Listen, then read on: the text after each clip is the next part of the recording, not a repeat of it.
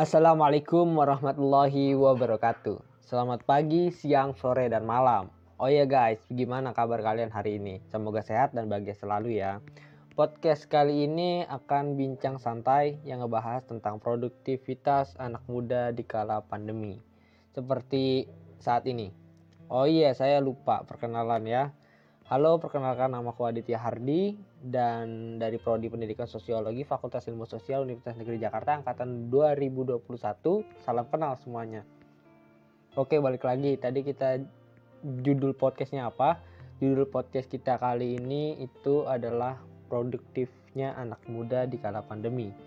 Jadi, ke depan kita akan membahas gimana sih caranya agar tetap produktif walaupun di rumah aja. By the way, pengingat aja nih, di sini saya masih sama-sama belajar untuk berproduktif ya. Bukan berarti saya ngomong seperti ini, saya udah jadi orang yang berproduktif, tapi nggak juga kok guys.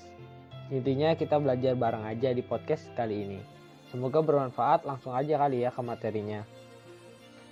Ketika kamu dengar kata produktif, hal apa yang muncul pertama kali di pikiranmu? Apakah itu bermanfaat, melakukan aktivitas yang positif atau yang semacamnya? Itu benar semua guys Produktif di sini adalah artinya sebuah sikap yang ingin terus berkarya dan menghasilkan sesuatu yang ada manfaatnya baik untuk diri sendiri maupun untuk orang lain.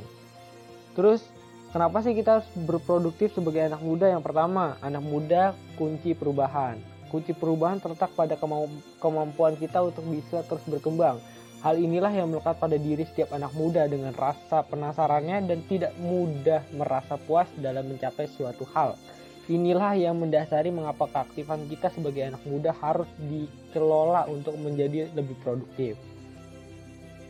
Selanjutnya yang kedua, dengan jargon generasi milenial yang melek teknologi tidak hanya membuatmu berkutat dengan game-game online saja, namun sekarang saatnya kamu memiliki hasrat yang besar dalam berbuat lebih dengan memanfaatkan teknologi dalam genggamanmu itu. Misal mengupload atau membuat konten yang mengedukasi dan bermanfaat. Yang ketiga, tidak hanya berlaku sebagai konsumen saja, namun anak muda zaman sekarang merasa skill serta eksistensinya sebagai produsen juga. Sebut saja sebagai contoh Yasa Singgi selaku pendiri Menso Republik membuktikan bahwa anak muda saat ini tidak hanya berlaku sebatas konsumen yang konsumtif saja, namun mereka juga mulai aktif sebagai produsen. Hal ini mereka lakukan tidak seolah-olah hanya untuk memperoleh profit atau keuntungan semata. Namun, lebih daripada itu, lebih ke arah kreativitas yang bisa mereka uangkan dalam bentuk karya.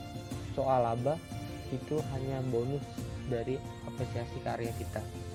Yang keempat, generasi muda cenderung menyukai kolaborasi yang mementingkan sebuah kualitas Di sinilah ruang lingkup ide-ide akan berkembang kepada anak-anak muda yang produktif.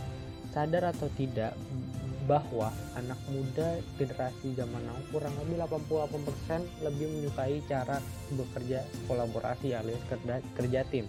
Hal ini tentu saja sangat berdampak positif.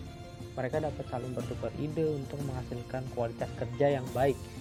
Selain itu, anak muda saat ini mengharapkan sosok pimpinan yang dapat mereka jadikan mentor untuk berkembang baik dalam segi pembelajaran maupun karir.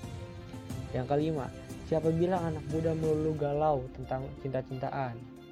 Jangan salah, anak muda juga selalu punya pemikiran segar yang inovatif untuk memendulikan lingkungan sekitarnya. Gak melulu galau atau mikirin hal yang gak berfaedah. Contohnya mikirin kapan dia bisa ngingetin perasaan aku. Hehehe. Tapi saat ini para anak muda memiliki banyak sekali peluang yang bisa dimanfaatkan untuk menuangkan ide-ide segar mereka. Tak sekedar berhenti sampai di situ, banyak kesempatan untuk untuk bisa mewujudkan sebagai bentuk kerja nyata yang real. Terus bagaimana cara berproduktif? Ada beberapa hal yang bisa membuat diri kita lebih produktif. Yang pertama, buat jadwal kegiatan harian atau to-do list. Membuat urutan kegiatan harian seperti setelah bangun tidur, apa yang harus kita lakukan, mulai dari pekerjaan rumah, pekerjaan kantor, hingga waktu santai. Ini akan membantu kita untuk mengingat agar tidak ada pekerjaan yang terlewat. Kita dapat menyusun kegiatan mana yang menjadi prioritas agar kegiatan dapat dilakukan secara tertata dan dapat selesai tepat waktu. 2. Melakukan olahraga ringan. Jika terlalu sering berdiam dan tidak melakukan kegiatan apa-apa di rumah, ini akan membuat tubuh kita gampang pegal dan terasa berat. Padahal saat pandemi dan di rumah aja pun kita harus tetap menjaga kesehatan dengan melakukan olahraga ringan dapat membuat tubuh bugar. Kita bisa melakukan olahraga ringan dengan meniru tutorial olahraga di media sosial, juga bisa didampingi oleh musik favorit agar olahraga makin terasa menyenangkan. 3. Melakukan hobi. Kegiatan kita dibatasi karena ada aturan PPKM. Banyaknya tempat hiburan atau kafe yang sering menjadi tempat kita nongkrong ditutup, membuat kita pasti akan merasa bosan. Jangan salah, kita juga bisa menyalurkan hobi kita di rumah. Contohnya, hobi bercocok tanam. 4. Membaca buku atau jurnal. Membaca buku atau jurnal merupakan salah satu cara yang dapat menambah wawasan kita saat berada di rumah aja. Dengan situasi yang serba terbatas saat ini, kita tetap perlu menambah wawasan dan pengetahuan kita. Hal ini merupakan kegiatan yang membuat kita cukup produktif dan bisa kita lakukan saat bersantai di rumah.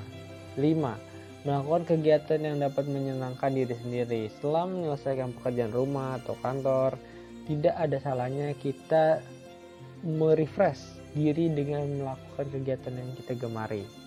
Oh iya, walaupun kita harus tetap berproduktif di kala pandemi seperti ini, tapi jangan lupa menjaga kesehatan fisik dan mentalnya juga.